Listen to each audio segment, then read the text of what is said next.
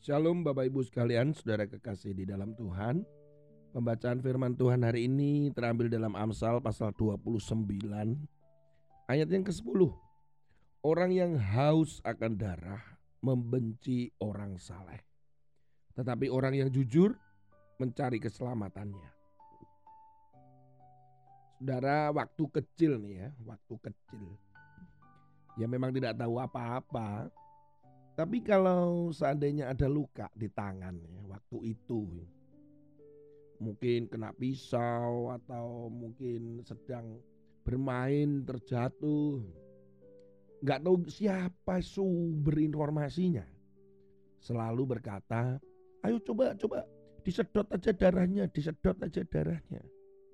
Kemudian satu kali saya pernah tanya nih lu kenapa darahnya perlu disedot? Gitu maksudnya di apa di apa dicep dengan mulut gitu ya disedot aja darahnya katanya.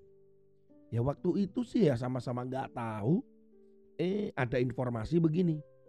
Supaya darahnya kembali lagi ke tubuhmu. Nggak keluar begitu saja. Waduh saudara.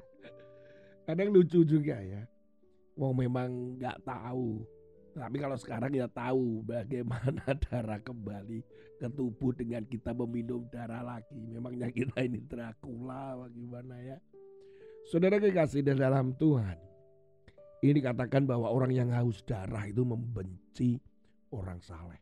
Saudara pernah nggak ya dibenci gitu? Nggak ada sebab muasalnya. Kita ini sebagai orang percaya kok tiba-tiba dibenci. Tadi terjadi diskusi dengan beberapa rekan pelayanan. Kenapa ya kita ini jadi orang Kristen itu kok dibenci? Kita yang nggak ngapa-ngapain mereka, kita juga nggak melukai gitu ya. Tetapi mereka kalau tahu orang Kristen, mereka langsung mendeskripsikan kita. Langsung dijauhi atau mungkin kesempatan itu hilang gitu ya. Itu muncul. Perlakuan-perlakuan itu terutama di kota-kota besar ya menyolok sekali ya. Surabaya, Jakarta, Semarang, lah, Malang. Men, kalau Manado enggak, kalau Manado enggak. Tapi di kota-kota besar sangat mencolok sekali. Nah, saya sekolah pun ya juga saya mengalami hal itu didiskriminasikan lah yang karena saya memang sekolah negeri sejak SMP sampai SMA. Saudara kekasih di dalam Tuhan. Ya, dalam diskusi kami dengan beberapa hamba Tuhan dengan anak-anak Tuhan baru saja bahwa mungkin mereka tidak punya bapak saya secara spirit bahwa ada secara profetik dalam dunia roh itu sepertinya begini. Kita ini kan keturunan dari Abraham ya. Kemudian Ishak, Yakub dan seterusnya. Sementara mereka di dalam apa yang kita baca kita yakini adalah firman Tuhan itu yang ada di dalam kejadian bahwa Abraham juga melahirkan Ismail orang-orang yang ada di Arab itu adalah dari Ismail. Mereka menganggap bahwa Ismail inilah anak perjanjian itu. Sementara kita mengatakan bahwa Ishaklah anak perjanjian itu.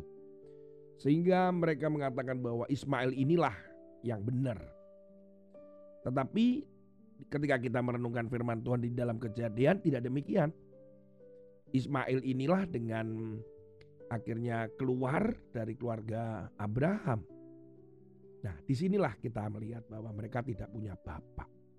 Ismail dan keturunannya itu nggak punya bapak. Karena diusir oleh Abraham.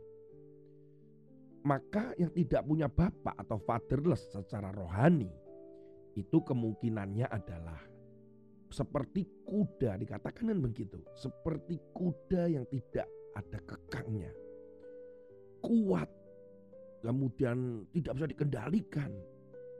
Nah akhirnya menyerang mereka yang secara ya baik secara fisik, kata-kata yang punya bapak. Saudara dan saya mempunyai bapak. Dalam arti secara rohaninya adalah waktu itu Abraham. Karena dia bapak orang percaya. Bapak orang beriman. Sementara Ismail tidak. Tapi teriakan Ismail ini nanti akan didengarkan Tuhan. Saya percaya itu. Sehingga hati bapak-bapak akan berbalik kepada anak-anak, berbalik kepada bapaknya. Saudara kekasih di dalam Tuhan, ketika mereka membenci kita, apa yang harus kita lakukan? Doakan mereka. Tuhan pernah berkata, sebenarnya yang mereka benci itu bukan kamu, bukan kita ya. Tetapi Tuhan Yesus yang dibenci.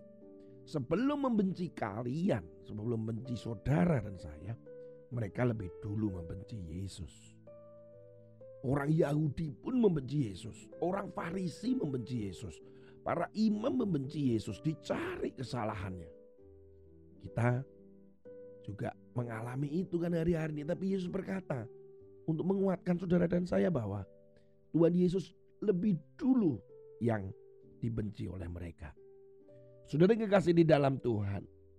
Bahwa kita menjadi orang yang jujur saja mencari keselamatan ya.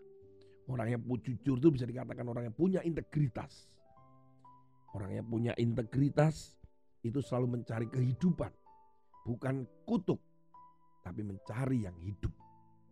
Tuhan Yesus memberkati. Kalau saudara dibenci, tersenyum. Ketika saudara disisihkan, tetap tersenyum. Ketika saudara ditinggalkan dan kesempatan tidak diberikan kepada saudara, tetap tersenyum. Tuhan mengasihi saudara. Karena yang dibenci mereka itulah Yesus. Bukan kita. Tapi kita ikut. Kita bersama-sama Yesus menderita. Memikul salib. Tuhan Yesus memberkati. Sampai ketemu pada episode yang lain. Amin.